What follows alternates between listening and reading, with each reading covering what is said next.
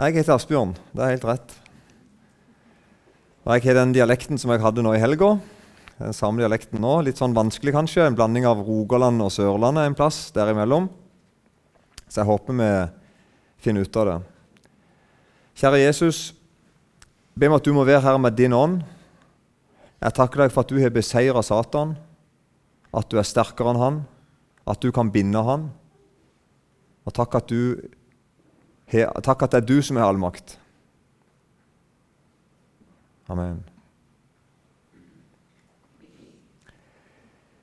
I kveld så skal vi se litt på et par ting. Jeg skal gjøre en ting jeg er ikke så veldig flink til. Vi skal ha litt noen, noen tall og litt sånne øyeblikk. og det er ikke jeg så veldig flink til, Men jeg skal prøve meg allikevel. Så får vi se. Vi skal lese en tekst fra Matteus 16. Vi kan slå opp der imens. Matteus 16, og ifra vers 13. Og så er overskriften da 'troverdig'. Altså Det er noe som er verdt å tro på. Det er noe som fortjener å bli trodd. Det er det egentlig troverdig betyr. ikke sant? Det er noe som er verdt å tro på. Og det er sånn at Jesus, Når vi leser i Bibelen, leser i Det nye testamentet, så ser vi at når Jesus gikk her på jord, så snakket han mye med folk. Og han snakka med all slags folk. Han var oppriktig interessert i dem. Han kunne spørre folk hva vil du jeg skal gjøre for deg. kunne han spørre. Hva ønsker du at jeg skal gjøre for deg? Og Han var oppriktig interessert i folk. Han brydde seg faktisk om hvordan de hadde det. Og Sånn er Jesus òg i dag. Du kan gå til Jesus med problemer som du vet at er, det, Dette er ikke store problemer i forhold til mange andre, men du kan gå med de, de problemene du har, med de sakene du tenker på, med de bønneemnene du har. Selv om du vet at dette er ikke det viktigste i verden, kanskje. Nei, men Jesus har vist når han gikk på jord, og han viser i Bibelen at han bryr seg om ditt liv. Han kjenner deg, og han vil deg vel. Og så er Jesus ærlig, og med det så mener jeg ikke bare at, at han ikke løy, altså, men han var ærlig på den måten at han kunne si ting som gjorde at folk ble sinte. Han kunne si ting som gjorde at folk ble sure. Han kunne si ting som gjorde at folk snudde seg og gikk ifra ham. Det er veldig rart når du leser noen samtaler Jesus ser, At han snakker ærlig tilbake, treffer noe hos de han snakker med. Og så får det all slags reaksjoner. Og Samtidig ser vi at eh, når Jesus, Jesus det, var på, det, var ikke tilfeldig, og det er ikke tilfeldig når, når vi møter Jesus. Han, han vil noe. Det er, noe. det er noe han vil når han møter meg og deg. Og En gang han var ute og gikk da, med disiplene, de tolv, Matteus 16 og vers 13, så står det at da Jesus var kommet til traktene ved Cesare Filippi og så har jeg slått opp i sånne bibelkommentarer. Eh, no, hva, hvorfor står det at det er den plassen? Ja, Det var selvfølgelig fordi de var på den plassen. Men hva som er den plassen var kjent for? Jo, det var en, sånn, en plass med mye avgudsdyrkelse. Og det var faktisk en stor sånn stein der, en klippe, som der ble begått, bedrevet avgudsdyrkelse rundt. Og akkurat der så spør Jesus, når de kommer der til, så spør Jesus sine disipler hvem sier folk at menneskesønnen er? Altså, Hvem sier folk at jeg er? Når du ikke er rundt da, på butikken eller i nabolaget, eller når du ikke er rundt, hva hører du ikke at folk sier? Hvordan snakker folk om meg? De svarte noen sier døperen Johannes, andre Elias, andre igjen Jeremia eller en av profetene. Altså alle syns at Jesus var spesiell. Og De navnene de sier her, er jo døperen Johannes er den største profeten i Bibelen. Så alle sier at 'du er spesiell, Jesus'. Og han sier til dem, 'Men dere, hvem sier dere at jeg er?' Vi ser her at Jesus blir på en måte skuffa over svaret. Det var ikke godt nok. eller hva skal man kalle det? Der står 'men dere'. Hvem sier dere at jeg er? Og det vi, skal, det vi kan slå fast først, er det at Jesus spør ikke 'tror folk at jeg fins'. Det spør ikke Jesus om. Det var, et, det var et uinteressant spørsmål. Han fantes jo. Han spør heller ikke syns folk at jeg er spesiell, for det visste han at folk syns. Han spør heller ikke om tror folk at jeg kan gjøre under, for det var jo det, det, var jo det eneste de snakket om omtrent. Så Jesus han skreller vekk de spørsmålene der, som egentlig også i dag er helt unødvendige, selv om i dag er det noen som tror at de er nødvendige. I dag spør folk om har Jesus levd. Har Jesus levd? spør folk i dag. Egentlig et veldig unødvendig spørsmål. Og Derfor er det også sånn i dag at Jesus, når han treffer meg og deg i Bibelen, i forkynnelse, så spør han også deg hvem sier du at jeg er? Ikke 'tror du at jeg fins'? Tror du at jeg kan gjøre under? Han, altså han spør forbi det. Du, er du ikke med på hva jeg mener? Så dette er ikke et typisk skilt på et bedehus. hvis du ikke tar den. Er det noen som ser hva som er feil med det skiltet, bortsett fra at det ikke er fint å se på det? men Er det noen som ser hva som er rart med, det, med, det, med den teksten? Noen som ser det? Jeg håper det. Men det er jo det er ikke nok. Er du ikke enig? Det er ikke nok å har på et skilt her at Jesus har levd. Å ja, De kristne de tror at Jesus har levd. Nei, det gjør vi slett ikke. Vi tror at Jesus lever. Det er en helt annen ting. Derfor har han levd òg, men han lever fortsatt. Han var død, og han sto opp igjen. Og det tror vi på. Det er helt sentralt i Bibelen. Paulus sier i 1. Korinterbrev 15 at hvis ikke Jesus sto opp igjen for de døde med kroppen sin, så kan vi bare glemme hele kristendommen. Da er trua vår fornyttes. Det duger ikke til noe. Så vi, Det er ikke nok for oss å si at Jesus har levd. Eller ikke et typisk brodert bilde på bedehusbasaren. Typisk sånn gevinst så var det folk som satt og broderte forskjellige ting. Dette er, ikke, dette er ikke en typisk tekst å lese. Bibelen er helt grei. Det er ikke nok. Det er ikke nok å si at Bibelen er kjempespesiell engang. Er du ikke enig i det? Det er ikke nok. Det er langt forbi det. Så liksom i dag å høre at folk sier at jo, det kan godt være at Jesus har levd, og det kan godt være at Bibelen er, bra, det er mye spesielt der, det er mye fint der Det er ikke kristendom. på en måte. Det er bare rett og slett at du har fulgt litt med i naturfagstimen, skulle jeg si, eller i historietimen. Jesus har levd, og han lever i dag. Og Det er ikke nok for Jesus å høre altså at alle trodde han eksisterte, eller at alle syntes han var spesiell. Og Sånn er det òg i dag. Og Dette vil, skal jeg snakke litt om i dag. For det at Når vi leser videre i Matteus 16, der vi begynte nå ikke sant? Han spør hvem sier folk at jeg er. Jo, sier folk, sier disiplene. Alle syns at du er veldig spesiell. Du er helt der oppe, er som på toppnivå. Det er noe åndelig med deg. Du, du har helt klart noe med Gud å gjøre. Det, det er noe, ja, sånn. Så vender, vender, Jesus seg til disiplene og spør dem hvem sier dere at jeg er. da? Og Da svarer Peter et veldig kjent vers. Peter sier, 'Du er Messias, den levende Guds sønn'. Og Jeg tror ikke vi er klar over hvor ekstrem påstand det er. Altså hvor, hvor utrolig merkelig påstand det er. Og Jeg, tenkt, jeg har ofte tenkt før at det, det måtte vært lett å tro på Jesus hvis jeg kunne gått på en måte på sida av han, bodd i nabohuset, kjent mor hans i, sett ting, sett ting med egne øyne, tatt på han. Er du med? Men det er tydelig når du leser Nytestamentet, at sånn var det jo ikke. Tenk deg å gå på sida av en person som er fysisk. Han eter, han drikker, han sover, han er glad, han er lei seg. Han, han er et menneske. Du kjenner faren og mora hans, brødrene. Og så sier Peter, 'Jeg tror du er han som Det gamle testamentet sier skal komme.' Han er kongen. Frelseren som er sendt ifra Gud. 'Jeg tror du er han. Du er Guds sønn.' Så bryter Jesus ut og sier, 'Salig er du, Simon Jonas' sønn, for det er ikke kjøtt og blod som har åpenbart dette for deg, men min far i himmelen.' Det er et under når du ser at Jesus er mer enn spesiell. Når du ser at Jesus er mer enn en som kan mer enn alle andre. Er du, er du ikke med på hva jeg mener? Du ser at Jesus, du er han som Gud sendte for å frelse meg. Du er han som Det gamle testamentet profeterte om i mange hundre år før han kom. Vi tror du er han. Det er et under når det skjer. Og det skjer òg i dag, at folk tror det.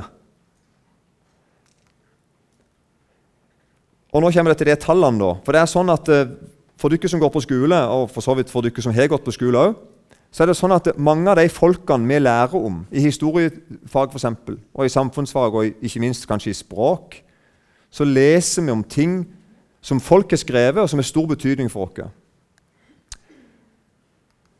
Og det er sånn at når, du, når vi leser om eh, de virkelig store store i verdenshistorien, så, så, sitter vi aldri på en måte med originalen. at vi, Nå sitter vi med som at dette er papiret som den og den eh, forfatteren skrev dette verket på. ikke sant? Vi sitter med en kopi.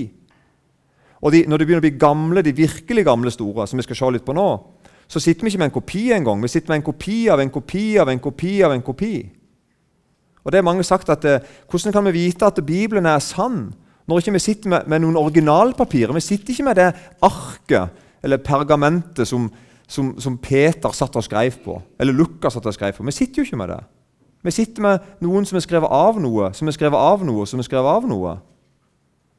Hvordan kan vi da vite at Bibelen er troverdig? Og Da skal jeg si at det kan vi tro, av følgende grunn. Jeg skal bare ta noen, eh, det, Vi skal ikke ha noen historietime her, og iallfall skal ikke jeg ha det, for det, disse her har jeg veldig lite peiling på. Men her er det navnet på noen folk som levde før Jesus ble født. 300-400-500 år før Jesus ble født. Da var det noen ganske svære, viktige mennesker som levde, som skrev ting som vi kan lese i dag. Og Disse er folk vi er borte på når vi, når vi går på skole. som er borte i disse navnene. Herodotes, Platon, Aristoteles, for å ta tre eh, store navn. Du kan, opp, på, du kan gå på Wikipedia, du kan google navnet deres, og så får du opp millioner med treff på hva de, hva de, har gjort, hva de har skrevet, hva de har sagt, hva de har betydd, hvem som leser de, hvem som oversetter de, osv. Eller for å ta han fyren her, da. Det, en, det finnes det med tegneserie av. I den tida der, han Julius Cæsar, som var en krigsherre, en diktator og Han levde rett før Jesus ble født. Han døde ser du, 44 år før Jesus ble født. Han lærer vi om på skolen. Dette er jo to tegneseriefigurer da, som Vet ikke om du kan lære om det på skolen. Det lærer vi om hjemme. Men eh, det beskriver på en morsom måte den tida dette skjedde på. Og han har for skrevet om Gallerkrigen på latin. og Det er vel ennå sånn pensum. Hvis du skal lære latin, så leser du hans, sine, hans sitt uh, verk, som da er 2000 år gammelt. Og Det fins ikke en original av det, må du tro. Og da er det sånn at Nå kommer de vanskelige tallene. da.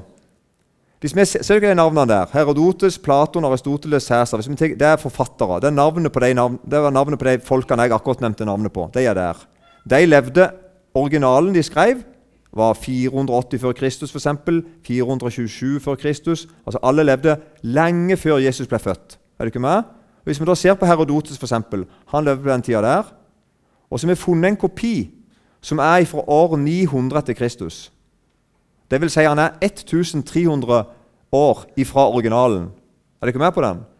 Så Vi har altså funnet kopier som er veldig veldig gamle. De er fra 900-tallet etter Kristus. Det vil si at de er 1300 år. Det er, jo, det, er jo, det er jo, litt dumt at det er såpass langt ifra originalen, men likevel. Det, dette er haugamle kopier.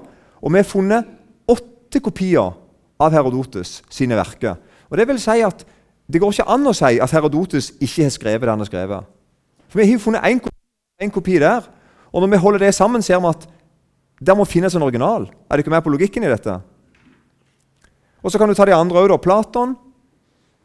Der har de funnet kopier fra 900-tallet som er 1200 år gamle, for han levde litt senere. De har funnet sju kopier av han. Aristoteles han har funnet enda yngre kopier av. 11, bare, nei, unnskyld, det er eldre. 1400 år uh, fra originalen. Der har funnet fem kopier. Og Cæsar har ti kopier av. Så det vil si at Ingen står på skolen og sier nei, jeg tror ikke at disse har levd. Og jeg tror ikke at det vi leser at de har skrevet, jeg tror ikke de har skrevet det. Ingen kan si det, for vi sitter her med beviser på det. Ja, er det originalen? Nei, nei, nei. nei. De er over 1000 år fra originalen. Men vi har funnet flere kopier. Og til sammen så de kopiene de vitner om at der fins en original. Det Cæsar skrev om Gallerkrigen, det har skjedd. Det Cæsar skrev, er det vi sitter i dag og leser over 2000 år etterpå. Sånn funker det. Og Derfor har jeg aldri hørt om en lærer som sier at jeg tror ikke de har levd. Jeg tror det er tull. Det er for lite, det er for lite, det er for gamle bøker. Det, det er ikke troverdig. Nei, dette er fascinerende. Og kan være de finner en og annen kopi til etter hvert, som styrker troverdigheten til disse skriftene. Med all grunn til å tro at disse har levd, og at de skrev det de påstår at de har skrevet. Hvis vi tar Det nye testamentet og så, ikke, og så behandler det som én bok, for egentlig er det 27 bøker. ikke sant? Matteus, Markus, Lukas osv. Hvis vi tar Det nye testamentet og så tenker vi at det er én bok, og så sammenligner vi nå med, med den, den, vi hadde i stad, denne, denne, her, så tenker vi å sammenligne Bibelen sine skrifter med disse skriftene her. Da vil du se her at originalen er skrevet mellom 50 og 90 etter Kristus, rett etter Jesus døde og sto opp igjen for de, for de døde. Og så har vi funnet kopier som er bare 30 år gamle. Det er faktisk Johannesevangeliet. Vi har funnet kopier som er nesten originalen som Johannes skrev. Og så er det noen som er litt eldre. De eldste er opp kanskje 300 år i tidsavstand. Ser du ikke det? En enormt mye tettere innpå originalen. Og så er spørsmålet hvor mange kopier har vi funnet? Her var det 8, 7, 5, 10 Hvor mange er det her? 50? 500? 5000? Og i dag, Dette tallet her er to år gammelt, eller tre år gammelt. I dag tror jeg det er 5200, 5300 tror jeg tallet er nå, hvis du går inn og kikker. Bibelen er så troverdig at det halve kunne vært nok. Ja, en brøkdel kunne vært nok. Når du sitter og leser i Bibelen, da kan du være sikker på det jeg leser her at Matteus skrev, det skrev Matteus. Hele verden roper, beviser det. Og Det blir funnet flere og flere ting som beviser at det du leser i Bibelen, det er sant. Det er troverdig. Og Av en eller annen merkelig grunn så er det lov å stille spørsmålstegn med er dette sant. Er dette troverdig? Det er veldig rart. Det er faktisk flere som kommer unna med det. Stiller spørsmålstegn med ja, det er jo en veldig gammel bok, og skal vi tro på henne? Så Bibelen er troverdig. Du kan stole på Bibelen. Bibelen er verd å tro på. Dette tror jeg er viktig å minne hverandre på. Mange kan tenke, jeg, Når jeg er rundt, særlig blant ungdom, så er jeg ofte sånne spørreundersøkelser ute på nett. Du kan gå inn anonymt og så kan du svare på, på spørsmål. Og blant kristne ungdommer i dag Dette er bare mine egne superenkle spørreundersøkelser. Men min erfaring er det at de fleste unge kristne i dag, folk under 20 år, under 25 år, tror ikke at Bibelen er troverdig. De fleste kristne. De fleste kristne som går på kristne møter, og som gidder å svare når jeg spør dem på en sånn, legger ut en link, og så kan de svare, sier at de tror ikke Bibelen er troverdig. De tror det er mye bra i den, de, de, har tenkt å lese den, og leser, noen leser litt, og noen leser mye. Men de tror ikke at den er troverdig. De tror det er en gammel bok som det er ganske mye feil i, og som er oversatt på litt sånn tilfeldig måte. De har lært en plass, selvfølgelig. Og så de ikke har lært noe motsatt noen annen plass, skulle jeg si. så tenker de at sånn er det. Så jeg tenker at Selvfølgelig leser folk i dag litt i Bibelen. Det hadde jeg òg gjort hvis jeg ikke trodde den var sann. Jeg er annet å gjøre, rett og slett, enn å lese bøker som ikke er sanne. Men Bibelen er sann. Bibelen er troverdig. Og så kommer det noe utrolig bra, f.eks. her i Peters andre brev, i kapittel 1 og vers 16. Der skriver Peter Han argumenterer og sier for det første at når det jeg forteller dere, er ikke kløktig uttenkte eventyr. Altså jeg driver ikke med noe, Det er ikke, noe, det er ikke noen sånn fantasifortelling jeg holder på med, er Peters argument. Når jeg kunngjør dere vår Herre Jesu Kristi makt og gjenkomst Vi hadde vært øyenvitner til hans storhet. Og Da viser, da viser Peter til noe som skjedde i kapittelet etterpå. vi leser innledningsvis, I Matteus 17. Vi leser fra Matteus 16. I Matteus 17 Peter, Jakob og Johannes det blir vitne til at Jesus blir forklara. Det skinner av, av han. Og Det kommer en stemme ovenifra som bekrefter at Jesus er Guds sønn.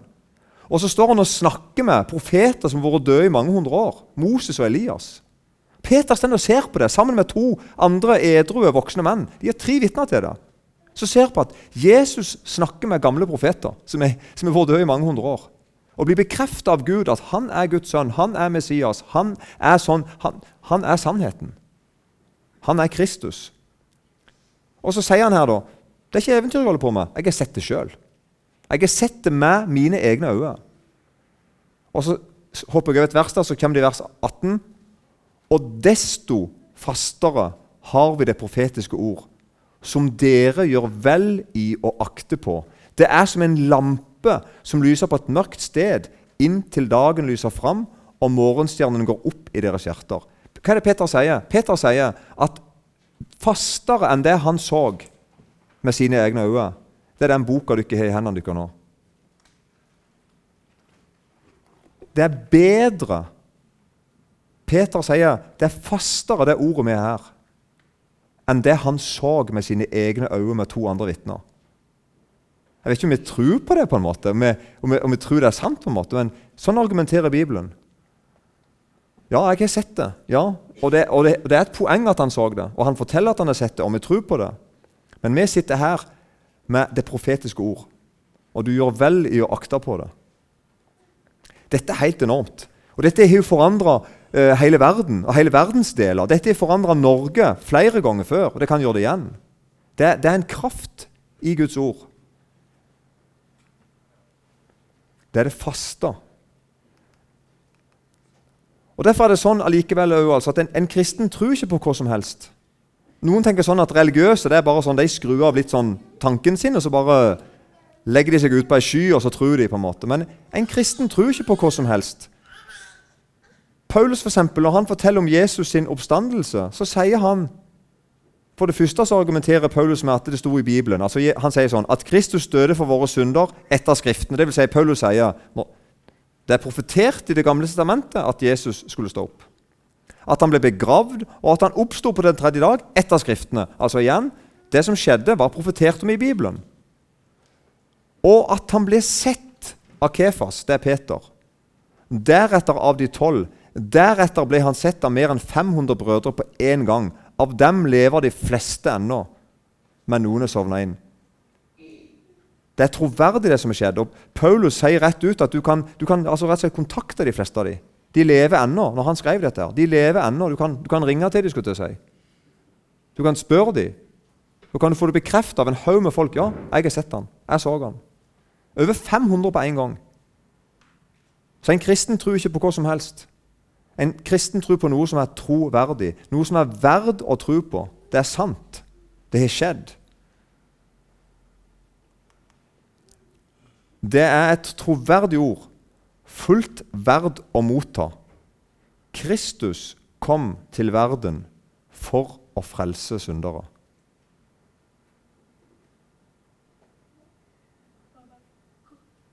Du som er i tvil om du kan stole på Bibelen. Du kan det. Du som er i tvil om Jesus kom for å frelse deg. Det er et troverdig ord. Han kom for å frelse deg. Så en kristen tror ikke på hva som helst. Og Så kommer det en rar setning, og den skal jeg, tror jeg kommer tilbake til en annen kveld. Jeg vil bare påstå den nå, så kan du tenke på den, gå hjem og irritere deg over den, eller gjøre mer enn hva du vil. Men du kan ikke tro på noe du ikke tror på. Er du med på den? Du kan ikke tro på noe du ikke tror på.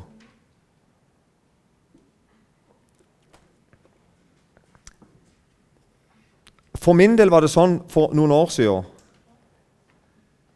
at det gikk opp for meg en dag at Gud fins sjøl om jeg ikke tror på han. Bibelen er sann sjøl om jeg ikke tror at Bibelen er sann. Er det ikke med? Den dagen begynte jeg å tro på Gud. Altså, Hvis det er sånn for deg at du tenker at jeg må tro på Gud for at han skal finnes, så har du et problem. Du tror egentlig på noe du ikke tror på. Det er, det er en slags overtro. Du må holde oppe noe med å tro på det. ikke vel? Men det er sånn at Gud fins sjøl om du ikke tror på ham. Jesus døde for deg sjøl om ikke du tror det. Og når du hører det, så tror jeg du begynner å tro på det. Hvis det er sånn det er. Det er ikke oppspinn. Det er ikke fantasier. Og Samtidig er det et paradoks her. For Det var så mange som så Jesus når vi leser det i Nytestamentet. Han ble som ble helbreda, som hørte undervisningen hans, som opplevde pinsedag. Altså det der, Folk opplevde så mye, de kunne se det med egne øyne. Det var snakk om det hele tida. I mange år, tre-fire år var det. Det sto, altså det kokte rundt Jesus. Alle snakket om han. Og Likevel ser vi at mange trodde ikke på han for det. Vi ser Det gamle testamentet like mye der. Folk går på en måte og trør i under hver dag. Opplever Gud igjen og igjen, igjen og igjen. Og så likevel dagen etterpå vender de seg vekk ifra ham. Hva er det for noe? Hva som gjør at det, han som er så verd å tro på, hvorfor tror jeg ikke på han?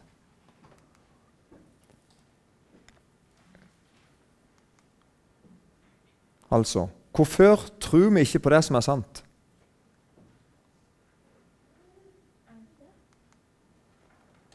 Jeg skal ta en samtale til slutt fra Johannes 8. Johannes kapittel 8. Der er Jesus i en samtale med en del folk, judeere, dvs. Si jøder fra Judea. Og de er veldig eh, oppspilt, for Jesus har påstått noe. og De er veldig sånn, ja, de er sinte, egentlig. Og, og hei, sånn, Hva er det han sier for noe? Og De sier sånn Han vil vel ikke ta sitt eget liv, siden han sier 'Dit jeg går, kan dere ikke komme'. For det hadde nemlig Jesus sagt, at dit jeg går, kan ikke ikke komme. Så begynte jeg å lure på hvordan skal han dø, eller hva, hva han sier? Han sa til dem, 'Dere er nedenfra, jeg er ovenfra. Dere er av denne verden, jeg er ikke av denne verden. Derfor sa jeg til dere at dere skal dø deres synder. For dersom dere ikke tror at jeg er den jeg er, skal dere dø i deres synder. De sa da til ham, Hvem er du? Jesus sa til dem, Nettopp det jeg sier dere. Og som du sa til åpning nå, Mathias, her sier Jesus 'Jeg er'. Altså Gud sitt navn. 'Jeg er Gud', sier Jesus. Og de hører at han sa det. Det var derfor de sier 'Hvem er du?' De hørte han bruker Gud sitt navn. Han påstår at han er Gud. Da han talte dette, var det mange som trodde på ham. Jesus sa da til de judeerne som var kommet til tro på ham.: Dersom dere blir i mitt ord, da er dere i sannhet mine disipler. Og dere skal kjenne sannheten, og sannheten skal frigjøre dere. De svarte ham, Vi er Abrahams ett og har aldri vært treller under noen. Hvordan kan du da si, dere skal bli fri? Her avdekkes det noe. Dette er altså jøder som Det står her at de tror på Jesus. Og så sier Jesus et par setninger til dem, og så avslører de at de tror ikke på han allikevel.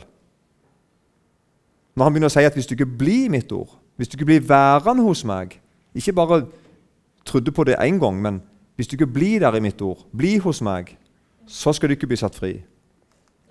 Jesus svarte dem, sannelig, sannelig, sier dere, hver den som gjør synd, er syndens trell. Men trellen blir ikke huset til evig tid, sønnen blir der til evig tid. For da Sønnen frigjort dere, da blir dere virkelig fri. Jeg vet at dere er av Abrahams ett, men dere søker å drepe meg fordi mitt ord ikke får rom hos dere. Jeg taler det jeg har sett hos min far, og dere gjør det dere har hørt av deres far. Er dere med på dette? Det er vanvittig alvorlig, det Jesus sier. Han sier at de kjenner ikke sannheten, de kjenner ikke Han. De sa da til ham, 'Vi er ikke født i hor. Vi har én far, Gud.' Jesus sa til dem, 'Var Gud deres far, da hadde dere elsket meg.' For jeg er kommet fra Gud og er ut, utgått fra ham. For jeg er heller ikke kommet av meg selv, men han er, har utsendt meg. Hvorfor skjønner dere ikke det jeg taler? Fordi dere ikke tåler å høre mitt ord. Og her er vi òg i dag. Her er vi i dag, og her er alle vennene vi har, og slektningene vi har, som ikke hører Jesus til, når vi snakker med dem Problemet er egentlig ikke dypere sett at hvis bare de hadde sett et under, hvis bare de hadde fått en overbevisning om at Bibelen er sann, hvis bare de hadde opplevd ditt og hvis bare de hadde opplevd datt, så hadde de trodd. Jesus avfeier det til slutt og sier, 'Beklager, det er et større problem'. Er dere med på dette? Det er ikke sånn at mine venner der jeg kom ifra Problemet for dem er ikke at de ikke kjenner sannheten. Problemet er ikke at de ikke vet nok om hvem Jesus er, og at Bibelen fins osv. Problemet deres er de liker ikke sannheten. De tåler ikke sannheten. Sånn er jeg òg, av naturen. Og Derfor er Den hellige ånd han er overbevist meg. Han er overmanna meg. Han har tatt makten over meg og sagt jeg skjønner ikke, sånn at det skjedde et under med meg. Jeg som egentlig ikke liker sannheten, er nå elska av sannheten og elsker sannheten tilbake. Det gjelder deg òg som hører Jesus til her inne. Det har skjedd et under med deg hvis du kjenner jeg hører sannheten, og jeg blir der hos sannheten. Hvis du kan si det, da er det skjedd et under ved Den hellige ånd. Og Hvis du er det sånn i morgen, så er det fortsatt et under. Derfor så må en predikant for eksempel, tenke at jeg kan si så mye vettugt jeg bare vil. Jeg kan være så flink jeg bare vil. Jeg kan tegne og forklare så godt jeg vil, sånn at folk forstår alt jeg sier. Men det er likevel ikke nok. For det er nettopp sannheten jeg og deg ikke liker. Vi hater sannheten, sier Jesus rett ut her. Det er det vi forstår vi har problemer med. Det er ikke det vi ikke forstår. Jesus går så langt at han sier dere har djevelen til far. Og dere vil gjøre etter deres fars lyster. Han var en drapsmann fra begynnelsen og står ikke i sannheten, for det er ikke sannhet i ham. Når han taler løgn, taler han av sitt eget, for han er en løgner og løgnens far. Men fordi jeg sier sannheten, tror dere meg ikke. Og det er en rar setning. Det er en rar setning, det. Men fordi jeg sier sannheten, tror dere meg ikke. Sånn er jeg og deg uten Gud. Sånn er dine venner uten Gud. Det er nettopp sannheten som gjør at ikke vi tror på Jesus. Jeg er for stolt til det. Jeg blir fornærma av det. Jeg må bøye meg, jeg må gi han rett. Jeg må gi opp løgnen, jeg må ut av mørket. Så jeg liker ikke sannheten. En utrolig rar setning. Jeg ofte tegner bilder av mennesker som sannhetssøkende individer. som liksom bare sånn, Hadde de bare visst bedre, så hadde de liksom gjort, levd bedre. Men Bibelen tegner et motsatt syn. Tegner et bilde av mennesker som ikke som sannhetssøkende. Som søker vekk ifra sannheten, vekk ifra lyset. Og så sier Jesus at det er grunnen til at ikke dere tror meg. Jeg snakker sant. Om seg sjøl og om meg og deg. Så jødene som trodde på ham, som kapittelet begynner med, blir avslørt. Og det siste verset i samme kapittel er sånn om de jødene som trodde på ham. De tok da opp steiner for å kaste på ham. Men Jesus skjulte seg og gikk ut av tempelet. Kan du tenke deg? Kapittelet begynner med at de trodde på han, og kapittelet slutter med at de plukker opp steiner for å hive på han. Og forresten, Hvorfor noen steiner var det? Jeg tippet det var de samme steinene som de måtte legge ned når de, de ville kaste på kvinna som var grepet i hor. For det begynner kapittel 8 med. Og Jesus sier at en som uten synd kan kaste første steinen, og så legger de ned steinene. Og Så kommer det en lang samtale her i kapittelet. Og så begynner de å plukke opp steiner for å kaste på Jesus. Utrolig hvordan vi mennesker er. Så ja, det er viktig at Bibelen er vi må holde fram at Bibelen er troverdig. og Det er veldig viktig. Det er helt essensielt at vi minner hverandre på at denne boka er verd å tro på. Og det er mer enn en bok, for først er det jo 66 bøker. Men det er mer enn 66 bøker òg. Det er Guds ord. Der er Den hellige ånd bor her, lever her, regjerer her. Og Det skjer noe når mennesker møter ordet. Det er viktig. Og det er viktig å vite at Når vi leser her, så kan vi undersøke stemmer dette med andre kilder i historien osv. Det er viktig at det ikke er sånn at ingenting her med som, det er ikke en bok der med som ingenting stemmer med virkeligheten ellers. Det er ikke sånn. Det er sånn at Vi ser at det, det er troverdig. Jesus har levd. Jesus ble født. Vi teller årene hans sine. Hvor, hvor lenge det er siden. Det er historisk. Det er sant. Jesus kom inn i historien. Gud ble kjød. Og Samtidig vet vi at det, det er ikke nok at noen sier 'ja, jeg tror Jesus har levd', 'ja, jeg tror Bibelen er sann'. Det trodde hele bunten på Jesus' i tid. Allikevel ville de hive stein på han. Så Derfor er spørsmålet mitt til deg i kveld hvem sier du at Jesus er? Altså sånn i livet ditt. Er han Herren din? Er han sjefen din? Er han frelseren din? Er han brudgommen din? Er han kongen din? Er han håpet ditt? Er han trøsten din? Er han tårnet ditt? Jeg håper det. Han vil være det. Kjære Jesus, takk at ordet ditt er sannhet. Og hellige oss i sannhet. Amen.